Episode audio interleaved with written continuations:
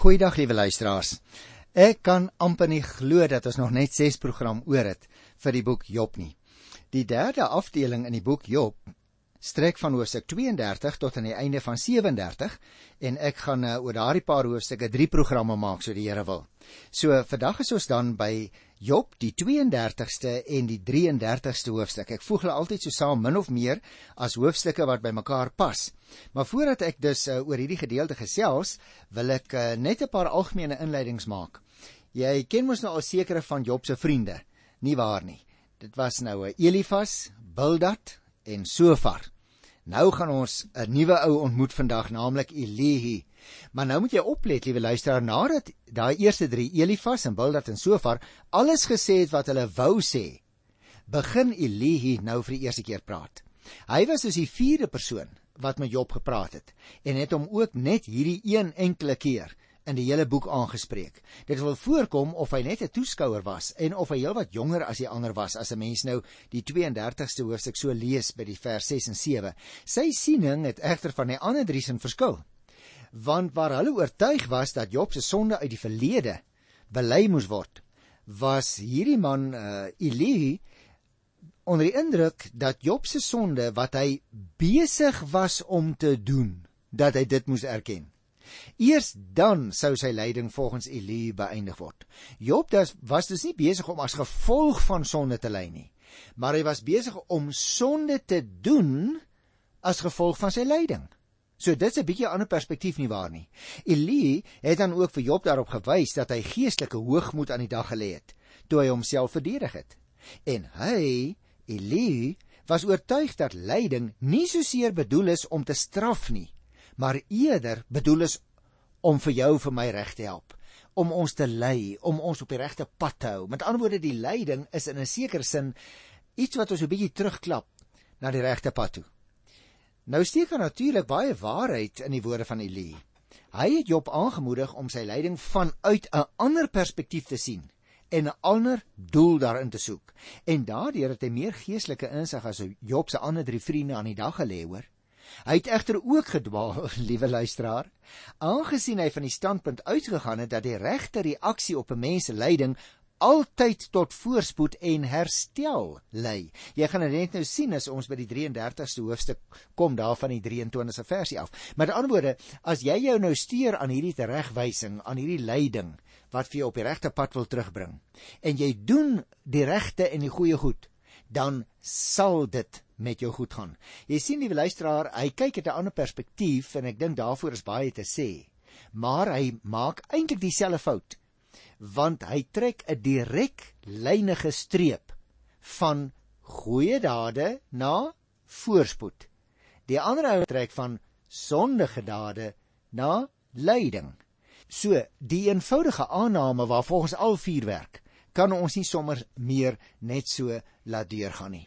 Nou goed, uh die eerste 3 versies uh gaan ek nou nou behandel by Job uh 32, maar ek wil ook iets daaroor sê ter opsomming eers dat ons kan verstaan waaroor dit gaan. Jy sien as reg as Job regtig so 'n goeie mens was, dan moes hy drie vriende afgesien het van die gedagte dat lyding altyd die gevolg van sonde is. Hulle was egter nie bereid om dit te doen nie en het liewer die gesprek beëindig. Hulle was dus oortuig dat Job besig was om die een of ander sonde weg te steek wat hy nie wil bely nie. En daarom is hulle nie uh, gewillig om verder met hom te praat voordat hy daardie sonde bely het nie. Job het egter geweet dat hy regverdig is voor God en ook voor sy medemens. Hy was dus nie bereid om 'n sonde te bely as hy nie selfs nie daar eers aanskuldig was nie. Ek wil mens kan mos nie so tweegesig wees nie om sonde te bely terwyl jy dit nooit gedoen het nie. En dit was wat sy vriende van hom verwag het. Hulle het gedink dalk is daar nog iets wat hy wegsteek en dit was nie so nie. So kom ek lees die eerste 3 verse. Toe die drie vriende ophou om Job te antwoord omdat hy volgehou het dat hy onskuldig is, het Eli, die seun van Barakel, 'n besiet uit die familie van Ram, kwaad geword vir Job. Eli het kwaad geword omdat Job volgehou het dat hy reg het, nie God nie. Eli was ook kwaad vir die drie vriende van Job omdat hy Job nie reg geantwoord het nie en nie aangetoon het dat hy skuldig is nie. Nou kom ons gesels nou oor hierdie paar opmerkings in die eerste 3 verse. Jy sien, Eli was nie van die begin van hierdie hele verhaal teenwoordig nie.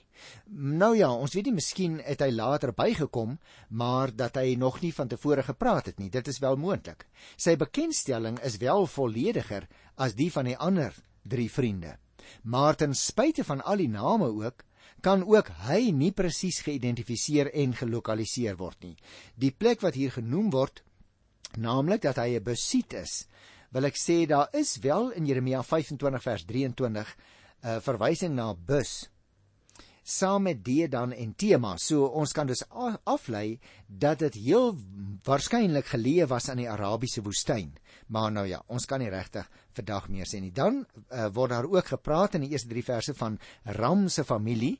Dit kan dalk liewe luisteraar gekoppel word aan die Jerag Meelite van wie mens lees in 1 Kronieke 2 vers 27. Maar dit is ook nie seker nie. Die punt is Die drie vriende het besef dat hulle nie vir Job sal afkry van sy oortuiging dat hy onskuldig is nie. En daarom het hulle nou opgehou praat. Hulle het vir hulle self gesê, "Nou kyk, nou het ons genoeg gesukkel met hierdie ou. Hy het bepaalde sonde wat hy nie bely nie. Of in elk geval wat hy nie wil bely nie. En daarom sê hulle nou gaan ons nie verder met hom sukkel nie." Eli staan nou hier dat hy kwaad geword het veral by die groepe En sy bloed kook eintlik, want ons sal dit ook agterkom in die 19de vers nê. Hy skwaad vir Job omdat Eli dink hy kom vir God te na en ook vir die drie vriende van Job omdat hulle nie vir Job kan oortuig nie. So hy is sommer regtig geïrriteerd met die hele situasie.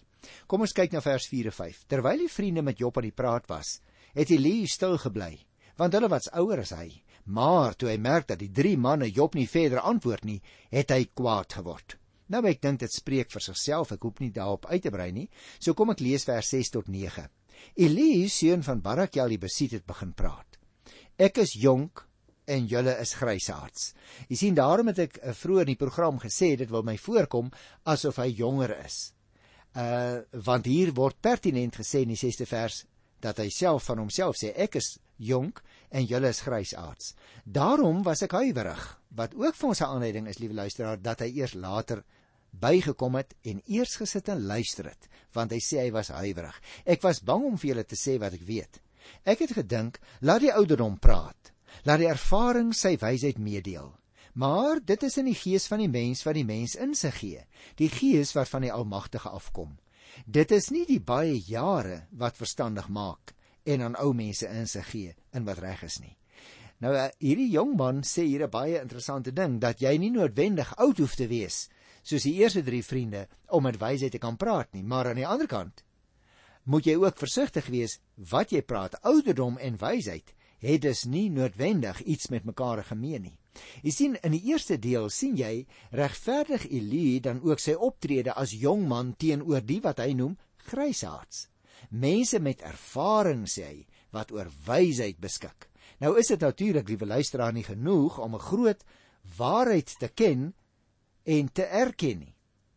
'n Mens moet dit ook in jou lewe uitleef. Telk nie net jy sê ja, dit is so, ek ken dit, ek erken dit ook, maar ek lewe dit nie uit nie. Dan help dit natuurlik niks. Elie het nou besef dat God die enigste bron van wysheid is, maar hy het nie die wysheid gebruik om Job te help nie. Hy dus die bron erken, let mooi op, maar nie probeer om self die wysheid te bekom nie. Die verkryging van wysheid luisteraar is tog iets wat 'n hele leeftyd duur en die strewe daarna hou nooit op nie. Moenie daarmee tevrede wees om net van wysheid te weet nie, maar maak dit deel van jou lewe. Gaan lees byvoorbeeld in die boek Jakobus dan sal jy daar sien dat uh, hy baie duidelik sê as iemand wysheid kortkom, laat hom dit van God bid wat eenvoudig aan almal gee sonder om te verwyd. So jy en ek weet wat is die werklike bron van wysheid. Vers 10 tot 14 luister. Daarom sê ek, sê hierdie man Elie nou, luister na my. Ek sal ook sê wat ek weet. Ek het julle laat praat, ek het geluister na julle argumente om te kyk of julle by die regte antwoord uitkom. My aandag was op julle toegespits maar nie een van julle het vir Job behoorlik berispe of sy argumente weer lê nie. Moet nou net nie sê ons het die wysheid gevind. God nie 'n mens nie sal met Job afreken nie. Met ander woorde, julle moet tog dit nou net nie sê nie. Met my het Job nog nie geargumenteer nie en met julle argumente sal ek hom nie pak nie. so ek wonder of hierdie ouens so bietjie hulle koppe heen en weer geskit het en dat hulle toe besluit het hulle bly in elk geval nou maar stil want hierdie ou sê daai argumente wat julle gebruik het daarmee gaan ek nie vir Job aandurf nie want Job het julle eenvoudig die loef afgesteek hy het julle die mond gesnoer. So liewe luisteraar met Elise beroep dus dat hierdie eh, ander drie ouens moet luister maak hy gevolglik daarop aanspraak dat sy kennis van die Almagtige afkom, soos ons in die 8ste vers gelees het. Job het reg hulle argumente verwerp, want hulle het hom nog deur berisping, nog deur gesonde argumente weer lê. Hulle het dus eintlik sleg afgekom in hulle argumente teenoor Job. Dat God met Job sal afreken soos vers 13 en 14 sê, is nie 'n argument in hierdie situasie nie. Met so 'n uitspraak erken hulle net dat hulle by Job wysheid teëgekom het en waarteen hulle nie opgewasse is nie. Daarom sê ek dit lyk vir my hulle het is eintlik uh nie met baie eer uit die stryd getree nie. Kom ons lees nou vers 15 tot 20. As die vriende verslae staan, as hulle niks meer het om te sê nie, as hulle woorde hulle ontbreek, as hulle nie praat nie, as hulle daar staan en verder niks sê nie, moet ek nog langer stil bly. Ek wil ook 'n beurt hê om te praat. Ek wil ook sê wat ek weet. Ek het baie om te sê. My gees dwing my om te praat. Nou, liewe luisteraar, dit laat my dink aan baie van ons jong mense deesdae. Ons het soms die indruk dat ons jong mense nie baie weet nie, dat hulle ook nie baie wys is nie. Maar wie met al die internet en al die kennis wat hulle uit boeke en uit ander bronne inneem, is hulle nie soms net baie belese en het hulle nie alleen net baie kennis nie, maar die gees van die Here wat in hulle woon, leer hulle mos ook om met daardie kennis op 'n wyse manier om te gaan. Nou wil ek amper sê ons het 'n voorbeeld van so 'n jong man hier. Daarom sê hy, ek het baie om te sê. My gees dwing my om te praat. Luister vers 19. Dit kook in my soos wanneer wyn nie klaar gegis het nie, selfs nuwe wynstakke wat wil laat oopbars. Ek moet praat. Ek moet my gemoed lig. Ek moet vir Job begin antwoord. Met ander woorde, liewe luisteraar, as hulle nie iets vir Job te sê het, die ander drie nou meer nie, beteken dit nie dat Elihu nie iets weet wat hy kan sê nie. So sê hy per slot van sake self. Dan sê hy sy gees dwing hom om te praat. Elihu se gees is met ander woorde die wynsak, sê hy, wat as dit ware wil oopbars omdat die baie woorde wat hy te sê het in hom kook soos wyn wat nog gis en maklik nuwe wynsakke kan laat oopbars. Jy onthou daardie beeld wat die Here Jesus gebruik het, nê? In uh waar staan dit nou Matteus 9 by die 17de vers. 'n Mens kom soms op 'n punt, liewe luisteraar, waar jy eenvoudig nie langer kan swyg nie. Ons kry dieselfde gedagte in Psalm 32 by vers 3 en 4. En nou sê Elihu ek kan nie meer anders nie. Ek is soos 'n wynsak wat aan die gis is en ek ek kan nou nie anders nie. Ek wil as dit ware oopbars. Ek moet my gemoed lig, sê hy. En daarom die laaste twee verse van hoofstuk 32. Ek sal niemand voortrek nie. Ek sal vir niemand partydig wees nie. Partydig wees kan ek nie, want dan sou my Maker my in 'n oogwink laat verdwyn. Nou dis wonderlik, liewe luisteraar, dat hierdie man sê, hierdie jong man sê, Ek kan nie iemand voortrek nie. Ek kan nie partydig wees nie. Weet julle hoekom nie? Want my Maker sal dan nie met my tevrede wees nie. Ons lei dus dadelik af. Hierdie jong man is 'n godvreesende persoon. Daarom dink ek kan ons met reg sê, o, oh, sy wysheid. Dit kom van die Here af, want per slot van sake is wysheid om die Here te dien. So het ons nou al telkens in die boek Job ook gehoor. En daarom sê hierdie man, jong man, baie op 'n verstandige manier, ek wil vir niemand partydig wees nie, want hy besef sy verantwoordelikheid teenoor sy Maker. Die Here, ons God, liewe luisteraar, duld net die waarheid. Nou dit bring my by Job 33. Julle sien daar's nie 'n eie opskrif in die Bybel nie. Ek hoop julle het julle Bybel voor julle, die ouens wat rustig by die huis kan luister na ons program elke keer sal sien daar's nie 'n opskrif nie want hoofstuk 32 en 33 loop eintlik aan mekaar. Nou in 'n sekere sin loop dit deur tot by vers 13 Kom ek maak dus 'n kort opsomming oor die eerste 13 verse van Hosea 33 voordat ek dit lees. En jy gaan die volgende daarin leer. Om ingelig te wees is vir die mens 'n bron van sekuriteit. Dis maar net normaal, liewe luisteraar, om graag te wil weet wat in 'n mens se lewe aangaan nie waar nie. Job wou ook weet wat besig was om in sy eie lewe te gebeur en waarom hy so moes ly. Ons sien in hierdie gedeelte dat hy geweldige frustrasie beleef het. Eli het gemeen dat hy die antwoord op Job se grootste vraag, naamlik waarom God nie vir hom wou sê wat aan die gang is nie, gehad het. Daarom het hy nou vir Job gesê dat die Here probeer het om sy vraag te beantwoord, maar dat hy wat Job is, nie wou luister nie. Eli was eintlik verkeerd hoor. As God al ons vrae sou beantwoord, liewe luisteraar, sou ons nooit genoegsaam geno getoets kon word nie, want ons het so baie vrae en soms toets die Here ook ons geloof deur die dinge wat hy oor ons bring, né? Wat dink jy byvoorbeeld luisteraar, sou gebeur het as die Here heel aan die begin vir Job gesê het: "Luister ou Job, die Satan gaan jou baie swaar laat kry, maar jy sal uiteindelik weer gesond word en nog meer as tevore hê." Jy kan mos dink dan sou dit 'n belaglike situasie gewees het. So Job weet eintlik nie. Tot op hierdie stadium besef hy nie dat die Here vir die Satan toestemming gegee het om sy kind Job te beproef. Ons het dit heel vroeg in die boek gelees. Job se grootste toets dus, liewe luisteraar, het nie in die pyn en die lyding gelê nie, maar in die feit dat hy nie geweet het waarom hy dit alles moes verduur nie. As jy vandag baie swaar kry, wil ek nie ligtelik daaroor gaan nie, liewe luisteraar. Maar jy hoef nie noodwendig te weet waarom jy ly nie. Job het ook nie geweet nie. Maar die Here het daarmee 'n plan gemaak. Hy het selfs die duiwel toegelaat om hierdie moeilike dinge oor Job te bring.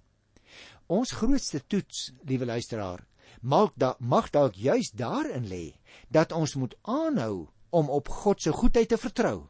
Al weet ons nie waarom ons lewe in 'n sekere rigting beweeg nie.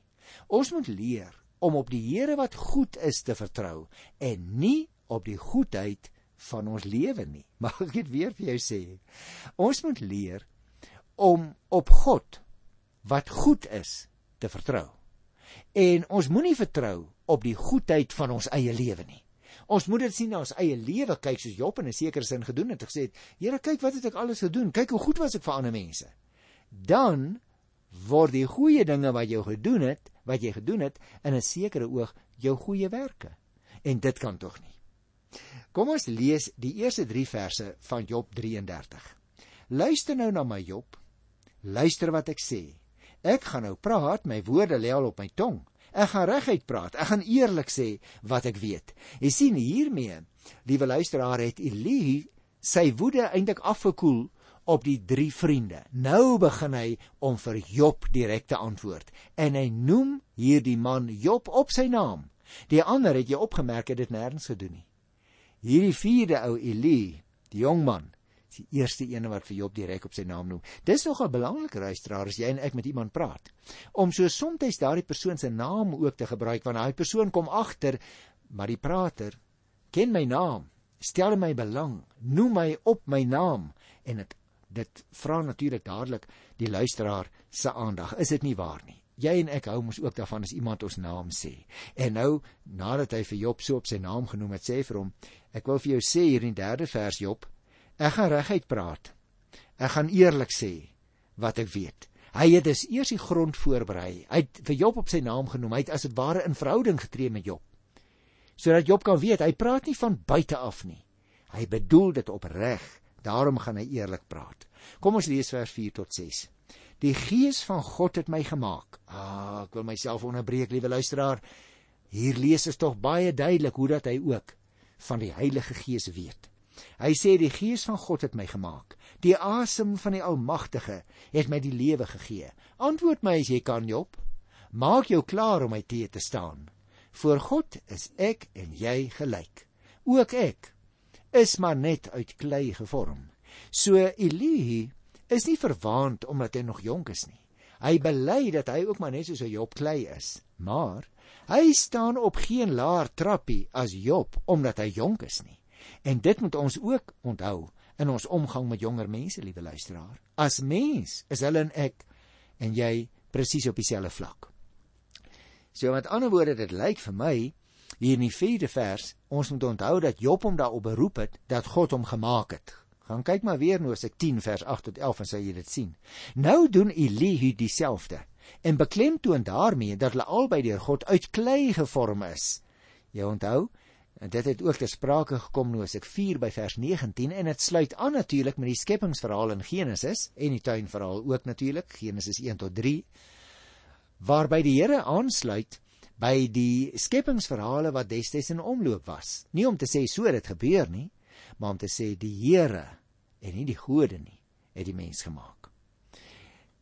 Daarom is hulle gelyk voor die Here, sê Elihu.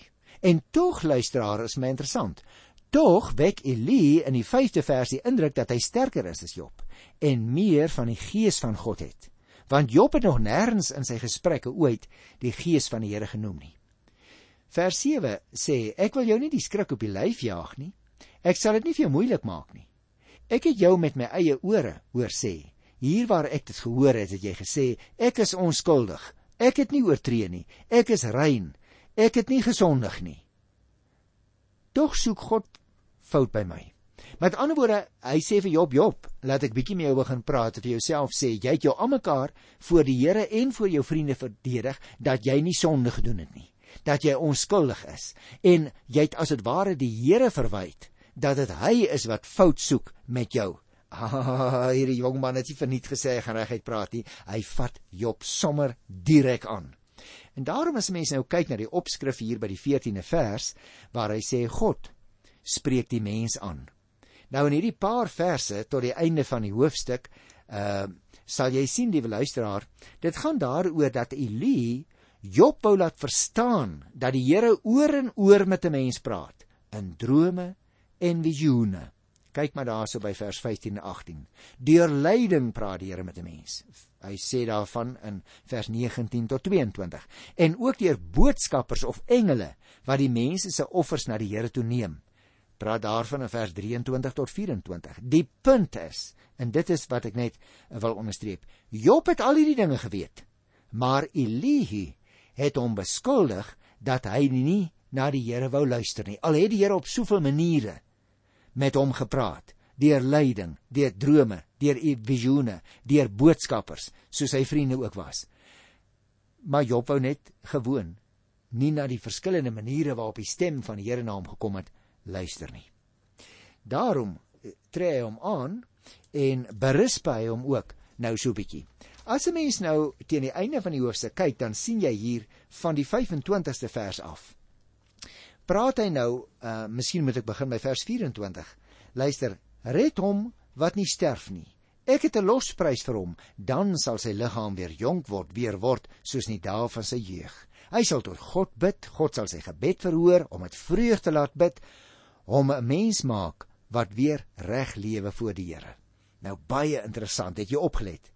Na skuldbelydenis het die bidder ondervind hoe die Here hom omvou met sy liefde en hy kon weer juig. Wanneer God die sieke red, soos dit staan hier in vers 24, dan kry hy natuurlik nuwe krag en die versteurde verhouding met God word herstel. Die gebede word weer verhoor, sê die 26ste vers. Reeds tydens die man se siekte. Onderrig deur God, luisteraar, leer die mens om reg te leef voor God. Gaan kyk maar in Psalm 32 by die 8ste versie. Dan sal jy dit ook sien. En daarom as jy vers 27 tot 33 sou lees, dan kom daar ander aspekte na vore. Ek gaan dit nou nie alles lees nie. Uh, ek wil dit miskien maar vir jou opsom. Hier word gesê die sieke wat gered is, bring dank aan God deur voor mense te getuig. Kyk maar daar vers 20 en 28. Deur voor mense te getuig dat die Here hom gered het en nie na verdienste gestraf het nie. Mag ek vir jou 'n eenvoudige vraag vra? As jy siek is en jy behoort tog wel aan die Here, het jy al voor ander mense getuig daarvan dat jy wel siek is? Het jy getuig teenoor hulle dat jy wel siek is, maar dat jy weet die Here het jou gered? Gaan kyk gerus in Psalm 22 vers 22 en 23. En dan die laaste paar versies hier van vers 31 af. Ek gaan dit lees. Luister Job, luister na my. Bly stil want ek wil praat. Of as jy tog iets vir my wil sê, sê dit dan, praat en ek sou jou graag gelyk wil gee, maar as jy niks het om te sê nie, luister na my, bly stil. Laat ek jou leer wat wysheid is. Jy sien, daarom sê hierdie jong man Elihi vir Job nou. Luister Job. Jy behoort liewer eintlik na my te luister. Tensy jy iets sinvol het om te sê. Anders anders my ou vriend Job asseblief bly stil, want ek weet wat wysheid is. Hierdie man, hy's jonk, maar hy praat met wysheid. Miskien moet jy en ek soms ook minder praat en meer luister. Of dit ouer mense is en of dit jonger mense is wat met ons praat in wysheid sodat ons kan hoor wat die liewe Here vir ons wil sê. Ek groet jou dan, liewe luisteraar, in die wonderlike, wonderlike naam van die Here Jesus Christus, die prins van alle vrede. Tot volgende keer. Totsiens.